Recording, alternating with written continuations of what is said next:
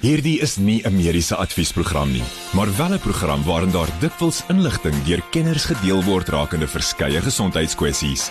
Vir persoonlike raad of advies, raadpleeg jou mediese dokter of sielkundige. Groot trauma op Groot FM 90.5. Dis lekker dat jy hier is. So bykans 9 minute oor 8 en is tyd vir groot trauma. Ek is Pieter Kloete en saam met Dr. Jaco van die kerk van Traumet 24 daar in Montana by Netcare 24 en ook by dis mos net net. Ja. ja. En dan ook sy eie praktyk uh, in Montana. Dankie dat jy hier is Jaco. Dankie Pieter, lekker om hier te wees. Ek dink daar's nie baie stories wat uitstaan behalwe dat uh, weet ons het nou al so baie gepraat oor masels die afgelope ruk, maar dit lyk my dit is tog iets wat ons weer moet oorgesels en eh, 'n uh, rede tot kommer vir die kinders wat nie ingeënt is nie. Ja nee, definitief Pieter. Ek dink ons is al moeg om te hoor oor inentings en oor masels. Maar alle kinders, dit is nie ouderdom van 6 jaar en 15 jaar oud in die Bethlehem omgewing in die Vrystaat en dis eintlik my geboortedorp. Ehm um, het hulle nou gesê moet dringend ingeënt word teen masels omdat hierdie distrik nou die hoogste syfer van infeksie toon. Ehm um, ek dink deels omdat dit naby Clarence is waar die die die 'n groot ehm um, eintlik sentrum is vir vir toerisme waar baie mense heen reis en omdat hierdie masel so erg aansteeklik is. Nou elke David waarnemende woordvoerder van die Vrystaat Gesondheidsdepartement ehm um, het gesê die departement het dit dan nou geprioritiseer in die Bethlehem distrik um, omdat dit ehm um, nie kan wag tot die nasionale maselsveldtog wat van 6 tot 20 Februarie ehm um, beplan word. Ehm um, dit kan nie tot dan wag nie en die toename in in hierdie gevalle is is is eintlik half kommerwekkend dit bly 'n ernstige siekte, dit bly 'n hoogs aansteeklike siekte en mens moet uitkyk daarvoor. En ek dink die tyd nou waar die kinders weer terug gaan skool toe en in die begin van die skooljaar is dit 'n is dit eintlik 'n bron tot kommer omdat dit actually soos 'n veldbrand kan versprei en dan ook 'n epidemie uh, vorm aan die einde van die dag. Ons het laas jaar nogal redelike hele program uh, toegewy aan Goldel uh, Gordelroos. En ek sien dit is nou weer in die nuus en uh, daar's ook 'n studie gedoen Ja, daar's daar's al so baie wat gedoen is oor gordelroos of herpes zoster is die virus wat dit veroorsaak. En navorsers het dan nou lankal reeds vermoed dat uh, gordelroos 'n rol speel in die verhoogde risiko vir beroertes en dan hartsiektes of hartaanvalle en koronêre vatsiekte. Nou onlangs se navorsing het die vermoede nie net bevestig nie, maar bevind dat volwassenes wat gordelroos gehad het, se risiko 30% hoër is om 'n beroerte of koronêre hartsiekte te kry. Nou dit is ongelooflik. Dit is in Birmingham um in Boston in in Amerika gedoen en um gordelroos het duidelik dan nou dieper liggende gevolge wat ook 'n uh, gevolg het op die bloedvate van die liggaam en nie net die grootes nie, dis ook die klein bloedvaatjies, die arteries en die venas. So al die bloedvate word dan ook beïnvloed deur gordelroos. Nou gordelroos word veroorsaak deur die virus herpes zoster.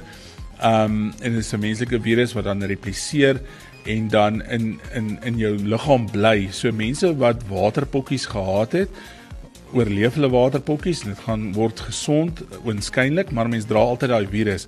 En as mens dan ouer is en mens gaan deur 'n stresrespons of mens immuunstelsel word onderdruk, dan heraktiveer hierdie virus as die herpes zoster virus en die term herpes zoster verwys na die Griekse woord um, gordelvormig of bandvormig en dis hoekom hierdie uitslag ook in die vorm van bande gewoonlik oor die liggaam gevind word.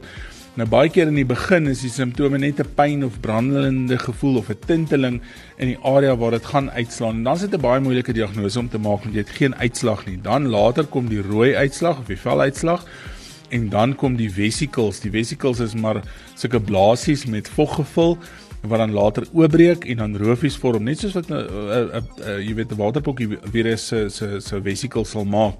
Nou mense is ook aansteeklike mense kan hierdie herpes zoster virus van mens tot mens oordra terwyl hy in hierdie vesikel vorm en in die vloeistof vorm is en dit is eers nie aansteeklik as 'n mens die die ehm um, rofies begin vorm. Ehm um, die dit dit is 'n aansteeklike siekte, maar dit is nie so aansteeklik soos waterpokkies nie.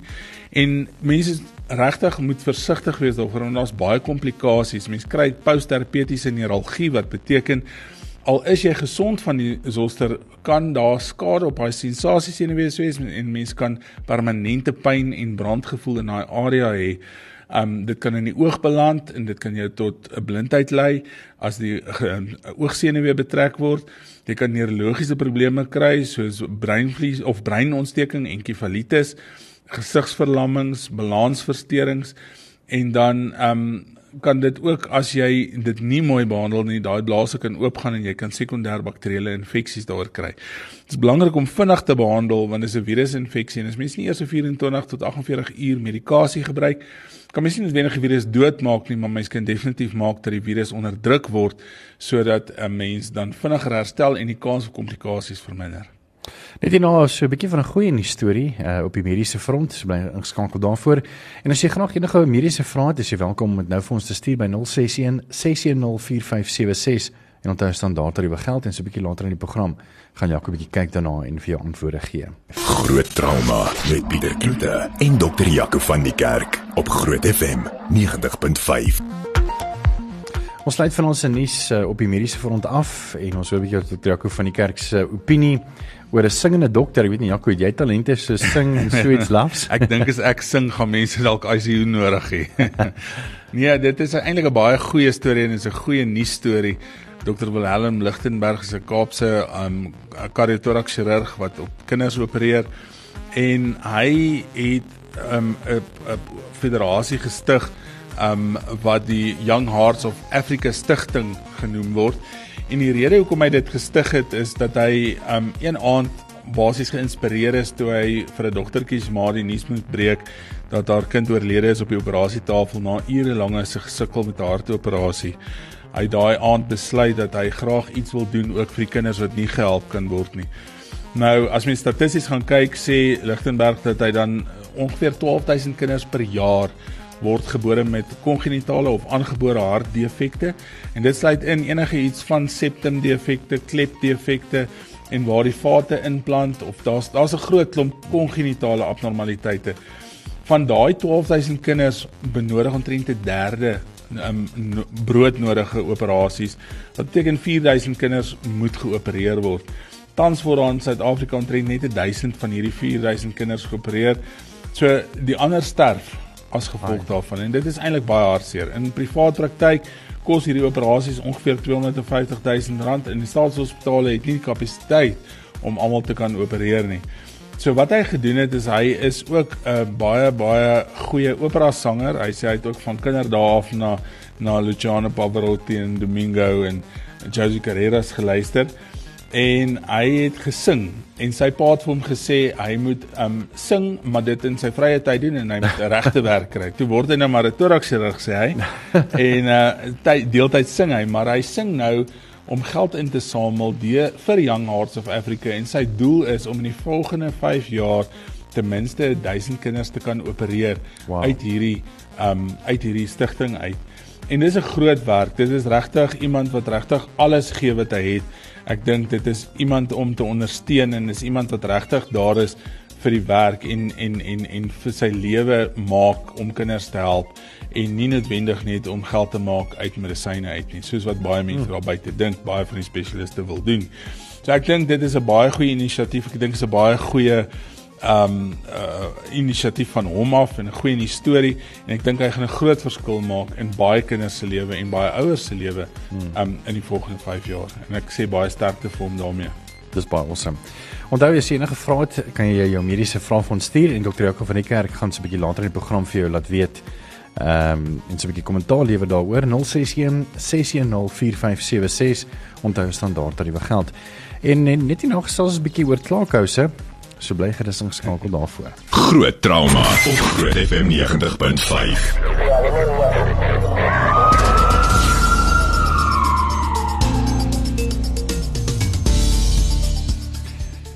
Ek dink in vandag se lewe wat 'n mens uh, val met slimfoon en die meer dan verwag 'n mens mos maar baie keer, jy weet, jy moet nou gehelp word, jy weet.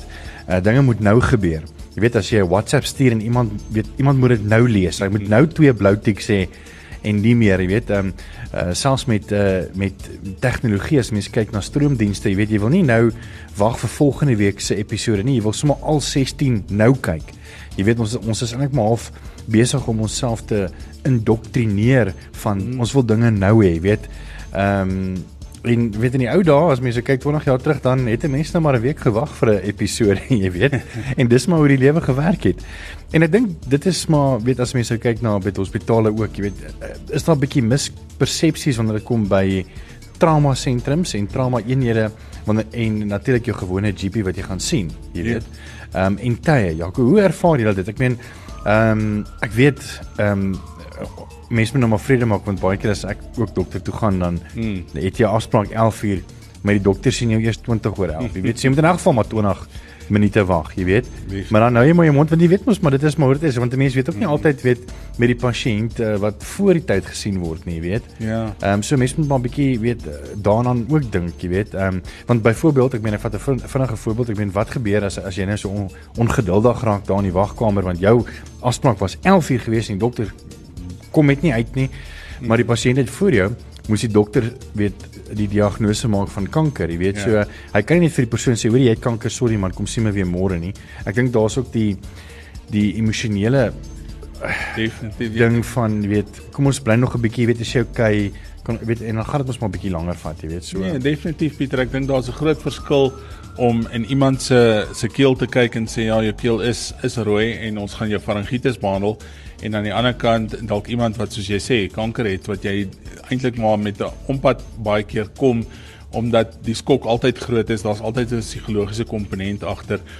Um en en ek dink medisyne is een van die velde wat die meeste de mekaar is in terme van hulle dae. Ek dink as jy as jy hou van 'n dag wat van minuut tot minuut gaan, dan gaan jy mal word as 'n dokter want jy beplan 'n dag en dan in die eerste halfuur van jou dag dan loop dinge lelik suur want jy weet nie wat na jou toe kom, gaan kom nie. En dis selfde in 'n trauma eenheid. Elke persoon wat daar inkom, ek noem dit altyd 'n soos 'n lucky packet. Jy maak hom oop en jy kyk wat kry jy. En dis nie altyd 'n goeie geskenkie wat jy kry nie. Um, en dit is so mense veral in vandag en ek dink daar's daar's baie redes voor. Ek dink daar's finansiële druk, daar's emosionele druk, daar's druk van oral af. Almal probeer alles so vinnig as moontlik en so akkuraat as moontlik doen. So mense verwag ook as hulle in 'n ongeval eenheid sit dat dit so vinnig as moontlik en so akkuraat as moontlik gedoen kan word. En die, en die, ek moet sê vir die mense daar buite, ek dink almal poog wat in 'n ongeval eenheid werk om dit so te doen. Ek het die laaste week of twee gesien op sosiale media, daar's ongelooflike negatiewe kommentaar, nie net oor die eenheid waar ek werk nie, maar oor alle eenhede in in in Pretoria. Jy weet, ek dink ek het nou al gespot ook en gesê ek dink as jy in die um Lesmare omgewing bly, dan gaan jy nie gelukkig wees met die hospitaal daar nie. As jy in ons omgewing bly, gaan jy gelukkig wees met die hospitaal daar nie. Jy wil elders anders heen ry. Mm. Um maar om net bietjie statistiek daar te stel, um in ons eenheid byvoorbeeld as ons 2.500 mense 'n maand sien, beteken dit dat ons 83 mense 83.3 mense per dag sien. Wat beteken is 3.47 pasiënte per uur. Wat beteken elke pasiënt wat jy sien in daai trauma eenheid het net 17 minute 29 sekondes. En dis eintlik onmoontlik, jy weet, want ons gradeer ook pasiënte op die triage stelsel wat beteken ons kyk watter pasiënte is die mees ernstigste siek pasiënte. Hulle sal die P1 pasiënte wees en ons gaan altyd eers na hulle toe. So baie keer is dit so dat jy sit dalk al 'n uur daar en wag vir jou sny op jou hand of op jou voorarm of wat ook al en nou kom iemand anders in en ons sien hom eerste. Hoekom gebeur dit? Is dit nie onregverdig nie? En dit wil so voorkom, maar daai pasiënt het waarskynlik hartaanval of 'n beroerte of iets wat baie ernstiger is en wat nou aandag verg. En ek dink dis 'n ding wat baie mense vergeet. Um net nog statistiek. Ons eenheid byvoorbeeld het 18 beddens in. So as jy 2.500 pasiënte 'n maand vat, beteken dis 138 pasiënte per bed per maand. Wat beteken jy met daai bed 5 tot 6 keer per dag um vervang. Nou as jy inkom na jou GP toe en jy gaan met sê maagpyn en jy's naar en jy diarree en jy het nou 'n gastro, dan gaan hy vir jou sê baie sterkte, hier's vir jou pilletjie vir 'n maag en vir 'n naarheid en 'n diarree en vir probiotikum en 'n rehydrasie.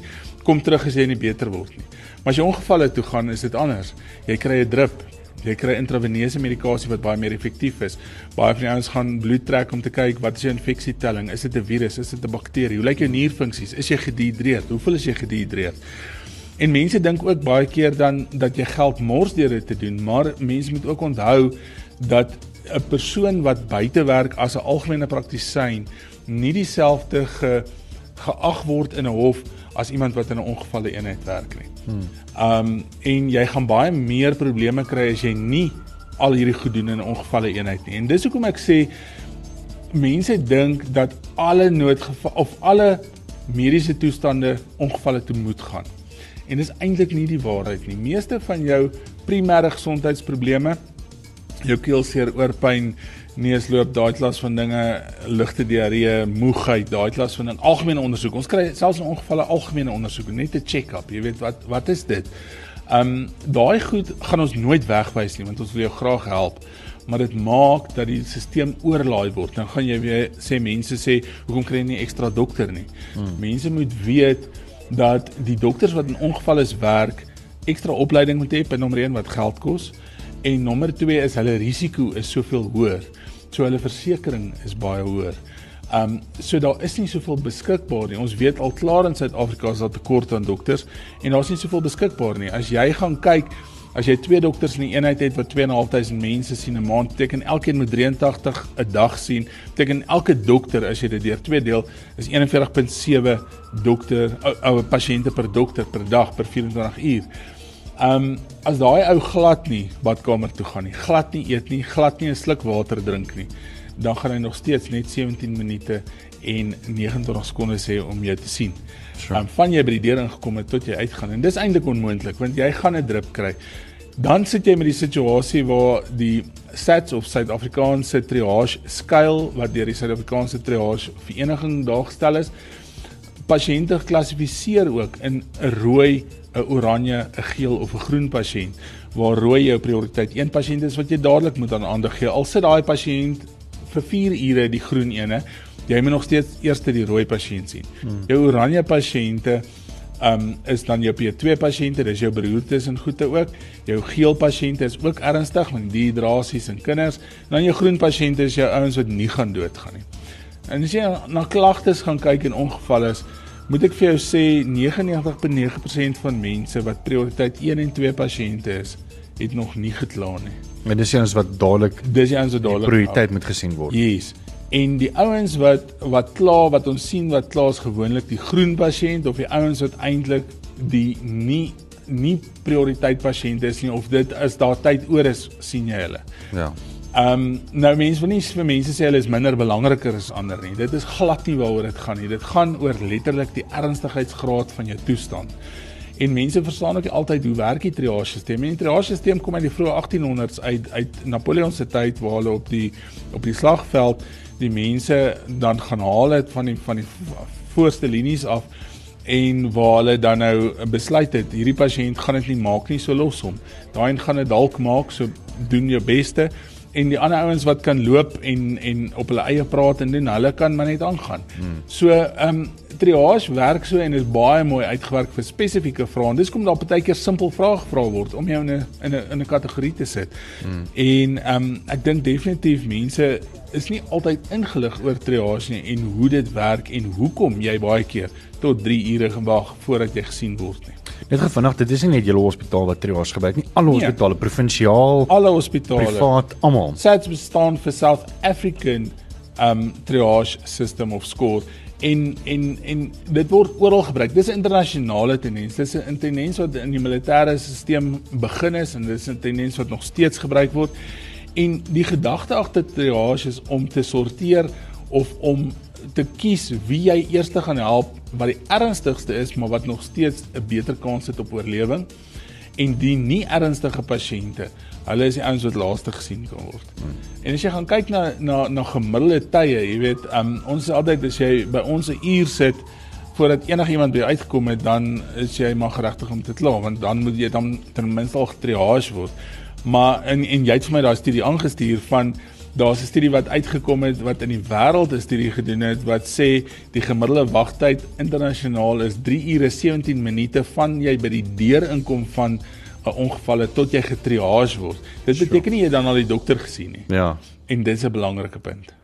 Ek dink ook mense moet verstaan, ek dink weet as as jy nou 'n bietjie langer wag, weet en en jy's dan nie 'n prioriteit 1 of so is nie, dan moet jy net weet dat uh dit is oukei, okay, want ek gaan nie doodgaan nie. Ek gaan gehelp word wanneer wanneer dit tyd het want met die wete dat eendag gaan ek die persoon wees wat nou op baie bed moet lê en jy moet miskien nog begin met um, KPR mm. of um, ek was geskiet en ek het nou dringend hulp nodig dan gaan ek nie wil hê die dokter moet sê ag nee wag weet jy hierdie ou was eerste sy tone seer kom ons kyk gou eers na hom toe ja goeie voorbeeld 2 weke terug het ek 'n skietwond borskas gehad um wat my ten minste 3 ure van daai dag besig gehou het en wat as jy nou daar uitkom, hoe gaan jy hoe gaan jy nou die mense face kan ek amper sê want hulle 3 ure vir jou gesit en wag, maar jy kon nie iets anders gedoen het nie. Hmm. En ek dink dis 'n belangrike ding in en en die definisie van nood. Wat is nood? Nood is vir almal of of of almal wat 'n ongevalle gaan besoek dink hulle het nood. Hmm. As ek my hand gesny het en dit bloei en ek kan nie van bloed nie, gaan dit vir my nood wees. As my keel seer is en ek kan nie meer nie, dan is dit nood. Maar nood per definisie is lewensbedreigend of ledemaatbedreigende toestande. En dis ook waar baie mense die die die wanpersepsie het van almal moet gehelp word. Die die die die of die wet of die die die grond of grondwet sê alle prioriteit een pasiënt of alle lewensbedreigende noodgevalle moet behandel word. En dis hoekom triage ingestel is om dit wel te kan doen, om die siekstes eers te help en om die stelsel wat eintlik oorweldig is, um tot die optimale um effektiwiteit te kan benut. Ons is net hier nou weer terug, nou is tyd vir 'n mediese mite minuut. Ek dink ons praat nou so oor oor triage en ongevalle en hoekom mense sit en wag. En ek dink baie mense dink ehm um, dat ongeval is ook daar is vir primêre gesondheidsorg. En primêre gesondheidsorg is alles wat jy eintlik by jou huisdokter kan doen ook. Um en dan kom mense by ongevalle is net omdat dit 'n gerieflike tyd is. Dis na werk, hulle kan enige tyd gaan, hulle kan gaan sonder 'n afspraak. Maar die meerderheid van tyd wat in ongevalle bes, of bestee word, word bestee eintlik aan die kritiek siek pasiënte, die die ernstig siek pasiënte, die prioriteit 1 en 2 pasiënte. En as daar tyd oorbly, dan sal mense die die P3 of die groen pasiënte of die nie ernstige pasiënte sien nie. En dit beteken nie ons dink jy is nie belangrik nie. Dit beteken jou siekte gaan jou nie nou doodmaak nie, bo iemand anders in sin wel dit kan doen. Hierdie insetsel word geborg deur Caressa Home Nursing Care, die voorsiener van tuisverpleging en verpleging. Ons verpleegsters en versorgers kry nie altyd die erkenning wat hulle toekom nie en daarom wil Groot FM 90.5 en Caressa Home Nursing Care van hulle hoor. Al wat jy moet doen is om 'n geregistreerde verpleegster of versorger te nomineer. Hy of sy moet in Pretoria woon en in die afgelope 2 jaar 'n verskil in iemand se lewe gemaak het. As jy weet van iemand wat jy graag wil nomineer, kan jy jou nominasie per e-pos stuur na grootverpleegster@caressa.co.za en Caressa is 'n care SSA, dit staan vir Care by Vanessa. So dis grootverpleegster@caressa met 2s.co.za. Met jou motivering hoekom jy hierdie persoon nomineer en hy of sy staan 'n kans om 'n maandelikse finalis te word en dan uiteindelik in Mei hierdie jaar weg te stap met R30000 kontant van Caressa en R20000 se vakansie van Sonja Smit begrafnisdienste. Bes en feesgeld. Sedert 2004 is die verpleegkundiges Gerry en Vanessa Skeepers se fokus die tuisverpleging van pasiënte en bejaardes. Indien jy verkies om tuis aan te sterk na hospitalisasie, sal Care by Vanessa jou tuisverpleging met sorg bestuur. Skakel Care by Vanessa by 012 947 9799. Besoek ons op Facebook of by caressa.co.za ZA. Professionele tuisverpleging met deernis. Vanaand is ons um nominasie van Stephanie van Wyk, sy nomineer vir Corneille de Boer. Sy sê Corneille het haar sussie se wond behandel en as gevolg van 'n tekort aan fondse het haar sussie na hospitaalbehandeling elke vernie, uh, elke week vernietbehandeling by Corneille gekry. Um en Corneille het selfs na haar huis toe gery om hierdie wondsorg te doen. Sy het 'n werklike hart vir mense. Sy gaan uit haar pad uit en help waar sy kan, waar hulp nodig is. Sy's 'n uitstekende verpleegster. Haar sussie is vandag gesond en lyk pragtig te danke aan Corneille. So vanaand Corneille de Boer. Sjoe, dis wonderlik. As jy weet van iemand soos Corneille de Boer, stuur jou nominasie aan grootverpleegster@caressa.co.za. Trek met jou motiveer en hoekom jy hierdie persoon nomineer. En hy of sy staan 'n kans om 'n finalis te word om uiteindelik in Mei hierdie jaar weg te stap met R30000 kontant van Caressa en R20000 se vakansie van Sonja Smit begrafnisdienste. Groot trauma op Groot FM 90.5. Welkom terug. Ek is Pieter Kloete saam met Dr. Jaco van Niekerk en ons gesels 'n bietjie oor hoekom jy baie keer moet lank wag in 'n trauma eenheid om gehelp te word. Ehm um, en Jaco het nou 'n bietjie verduidelik oor hoe die triage stelsel werk en die meer. En uh, Jorg het vir ons 'n WhatsApp gestuur en ek dink dit is nogal relevant om ook hieroor te gesels. Okay, ek wil net een ding sê. Let's not sugarcoat it. daar is mense in die bedryf wat omgee en daar's mense wat nie omgee nie. Baas baie kere dan sit jy by die hospitaal en jy wag En daai dokters help jou nie regtig nie. En ander kere dan help daai dokter jou so vinnig. So let's not sugarcoat it. Dis die persoon agter die ding. Dis dit so mooi mooi stelling eintlik en ek stem 100% saam.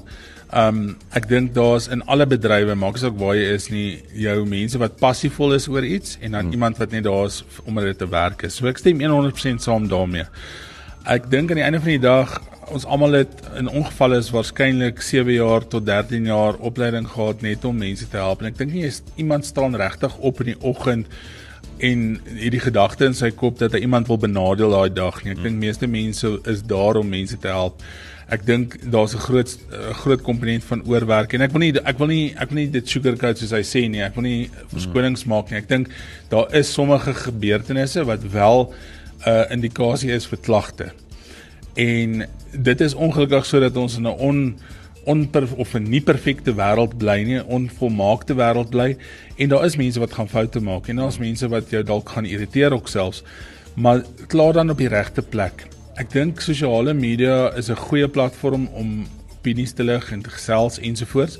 Maar ek dink nie ehm um, sosiale platform is die plek waar mense moet kla oor iets nie, want jy kan nie jy jy kan nie 'n respons verwag nie gaan kla by die mense wat regtig 'n verskil kan maak, gaan kla by die die die eenheid se se bestuur, gaan kla by die hospitaalbestuur en en kla met met feite. Ehm um, jy weet want wat gaan gebeur is jy gaan kom en jy gaan kla en ek gaan vir jou sê meneer sit gerus. Kom ons kry die leer en ons kyk daarna. As daar 'n probleem is, dan moet ons dit herstel en ons moet dit regmaak en as daar 'n groot krisis is, dan moet ons definitief aandag daaraan gee. Um ongelukkig kry ons nooit regtig sulke tipe van van optredes nie. Mense hoor altyd van hierdie goed op sosiale media en baie keer is die is die storie heeltemal verdraai. Ek meen ek was al betrokke in dit dat ek hier gesit het en dat ek um gesê is ek is in die in die in die hospitaal en ek doen die en daai. Um so terwyl jy hier gesit terwyl ek hier gesit en uitsaai het, jy weet. So dit gebeur en ek dink net mense moet versigtig wees om ongegronde inligting weer te gee op sosiale media en ek dink klaar by die mense wat 'n verskil kan maak want dit is al waar jy 'n verskil gaan kan maak. Dit ek kan nie vir iemand antwoord op sosiale media op iets wat hy gesê het nie. Want dit beteken ek gaan konfidensiële pasiëntinligting moet gebruik en dit beteken ek breek 'n pasiënt dokter ver, vertrouensverhouding en dit beteken ek tree teen die wet op.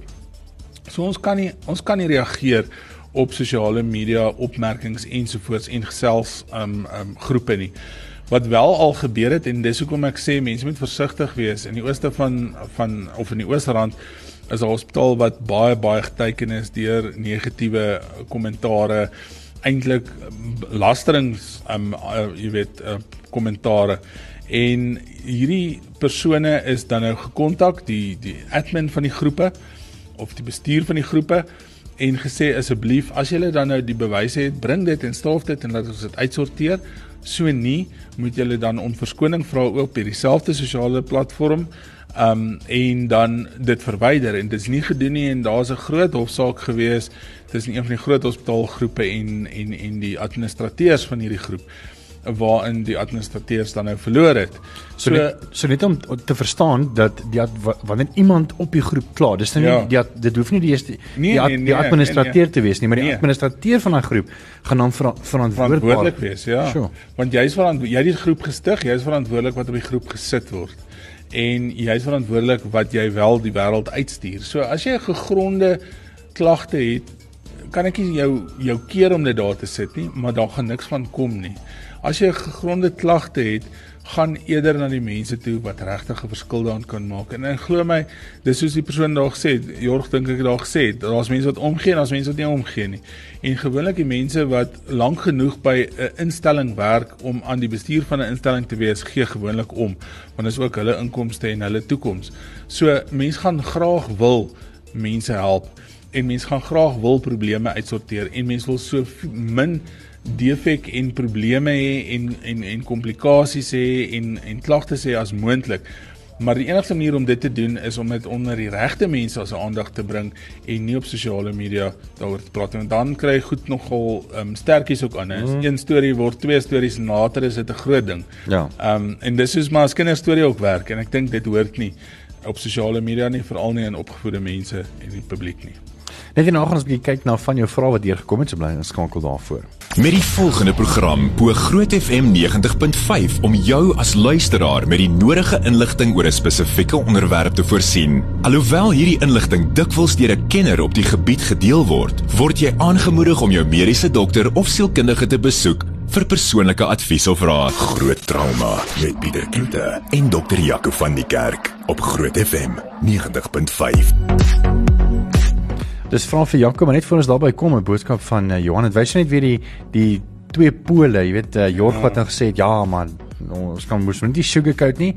En uh, hier's Johan met sy boodskap. Ek wil net vir julle een ding sê. Ek is het nog nooit een dag 'n probleem by, by Pretoria Wes Hospitaal gehad nie. Ek het medies gehad, nou ek nie medies gehad het nie. Het ek my goedjies maar Pretoria Wes Hospitaal toe gevat. Nie ek of my kind het ooit ooit probleme daar gehad nie. Dis die eerste keer wat ek dit nou op sosiale media sien wat gebeur het. En ja, dit is 'n uitwerking op 'n persoon, maar in my geval het ek nog nie een probleem by Pretoria Wes gehad nie. Elke keer vat hulle mens, hulle kyk na jou, partykeer wag jy lank, ongelukkig. Dit gebeur. Maar daar was nog nooit geen gevalle by Pretoria Wes nie. En ek praat want ek was nou al nie net een of twee keer daar nie, ek was seker al 14, 15 keer daar gewees. Hmm. Dis ook 'n baie mooi 'n mooi voice note of, of stemnota. En en dis so belangrik wat hy daar sê, dit wat hy op sosiale media sien affekteer 'n mens en baie keer is inligting wat op sosiale media gedeel word nie akkuraat nie. Mm. En dit beïnvloed so baie mense daar buite en jy gaan baie keer dan met 'n negatiewe konnotasie aan 'n plek. Mm. Pretoria Wes is 'n is 'n staatsinstelling en en en hy help honderde duisende mense. Mm. Um en daar sê hy ook baie keer wag jy lank, maar ongelukkig is in ons weet daar's 'n tekort aan dokters. Ons weet daar's 'n oor oorwerk van dokters. Um maar hulle probeer steeds hulle bes. So ek dink nog steeds dit is sleg om op sosiale media te kla oor iets want jy beïnvloed so baie mense negatief daar buite wat met 'n negatiewe konnotasie reeds in hulle gedagtes by 'n plek opdaag en dan's alles verkeerd. Hmm. En dan die ander ding is wat hy ook sê is hy word gehelp ten spyte van die feit dat hy soms lank wag. Dan is hier 'n vraag, hallo julle en ons het vroeër hier gesels uh, in ons nuus. Um, ek wil hoor oor gordelroos. My ma het gordelroos in haar oor gekry en dit het versprei na haar gesig tot by haar mond. Sy was baie siek toe daarna ehm um, longontsteking gekry. So my vraag is nou met dementia, sy is nou met die, die uh, dementia gediagnoseer. Kon die gordelroos bygedra daartoe of is dit iets wat op sy eie? Sy het klaar ook 'n stukkie van haar lip is dood. Dankie Marlene. Ja, Marlene, dis 'n baie interessante vraag. Ehm um, as jy ruk terug dit gevra het, sou ons sê ons weet nie.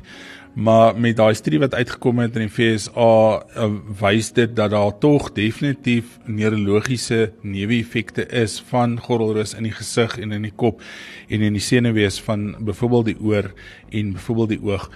Um, ek wil nie sê dit maak demensie nie want demensie het baie oorsake, daar's baie oorsake van demensie in terme van vaskulêre oorsake en ag daar's daar's 'n groot klomp oorsake van demensie waar gedeelte van die brein dan sy effektiwiteit verloor en en involiseer of kleiner word. Ehm um, maar ek dink daar's definitief 'n konnotasie veral dat hulle nou sê 30% van mense met gordelroos gaan vaskulêre siekte kry. Koronêre vatsiekte is ook maar breinvatsiekte, is ook maar niervatsiekte. So dit is nie net geïsoleerde net die hart nie. Ons praat net van die hart omdat dit baie keer maar die ding is wat mense um, vang en doodmaak, maar definitief kan daar 'n konnotasie wees. Ehm um, maar dis nie noodwendig 100% die geval nie. Hallo julle my seentjie sny tans vier tande gelyk en dit is baie seer. Kan jy dalk net vinnig gesels oor tande sny? Ek dink ons gaan hierdie los miskien ook vir 'n ja. gesprek uh, vir volgende week. So Dis 'n baie uh, lekker vraag. Dit is 'n lekker baie lekker vraag, maar dis kan as jy wil weet oor tande sny volgende week, Woensdag aand gaan ons bietjie lekker daaroor gesels. Jaco net vinnig in 30 sekondes iemand sê so hallo dokter, ek wil net weet of gewone sigarette of vape sigarette dieselfde skade veroorsaak. Boffa, wat jy kan doen is ons het hieroor gesels uh, ek dink 'n week terug. Ja. En uh, daai potsending is al reeds op ons uh, webblad beskikbaar. So gaan loer gerus daarso by ons inhoud en um, dan uh, kan ons uh, dan 'n bietjie meer weet daaroor. So ja, dit is dit vir my kant af en van dokter Jaco van die kerk. Dankie Jaco dat jy elke Woensdag gaan inkom. Dankie Pieter. Lekker dat jy ook hier is. Baie lekker. Groot trauma met Pieter Kloete en dokter Jaco van die kerk op Groot FM 90.5.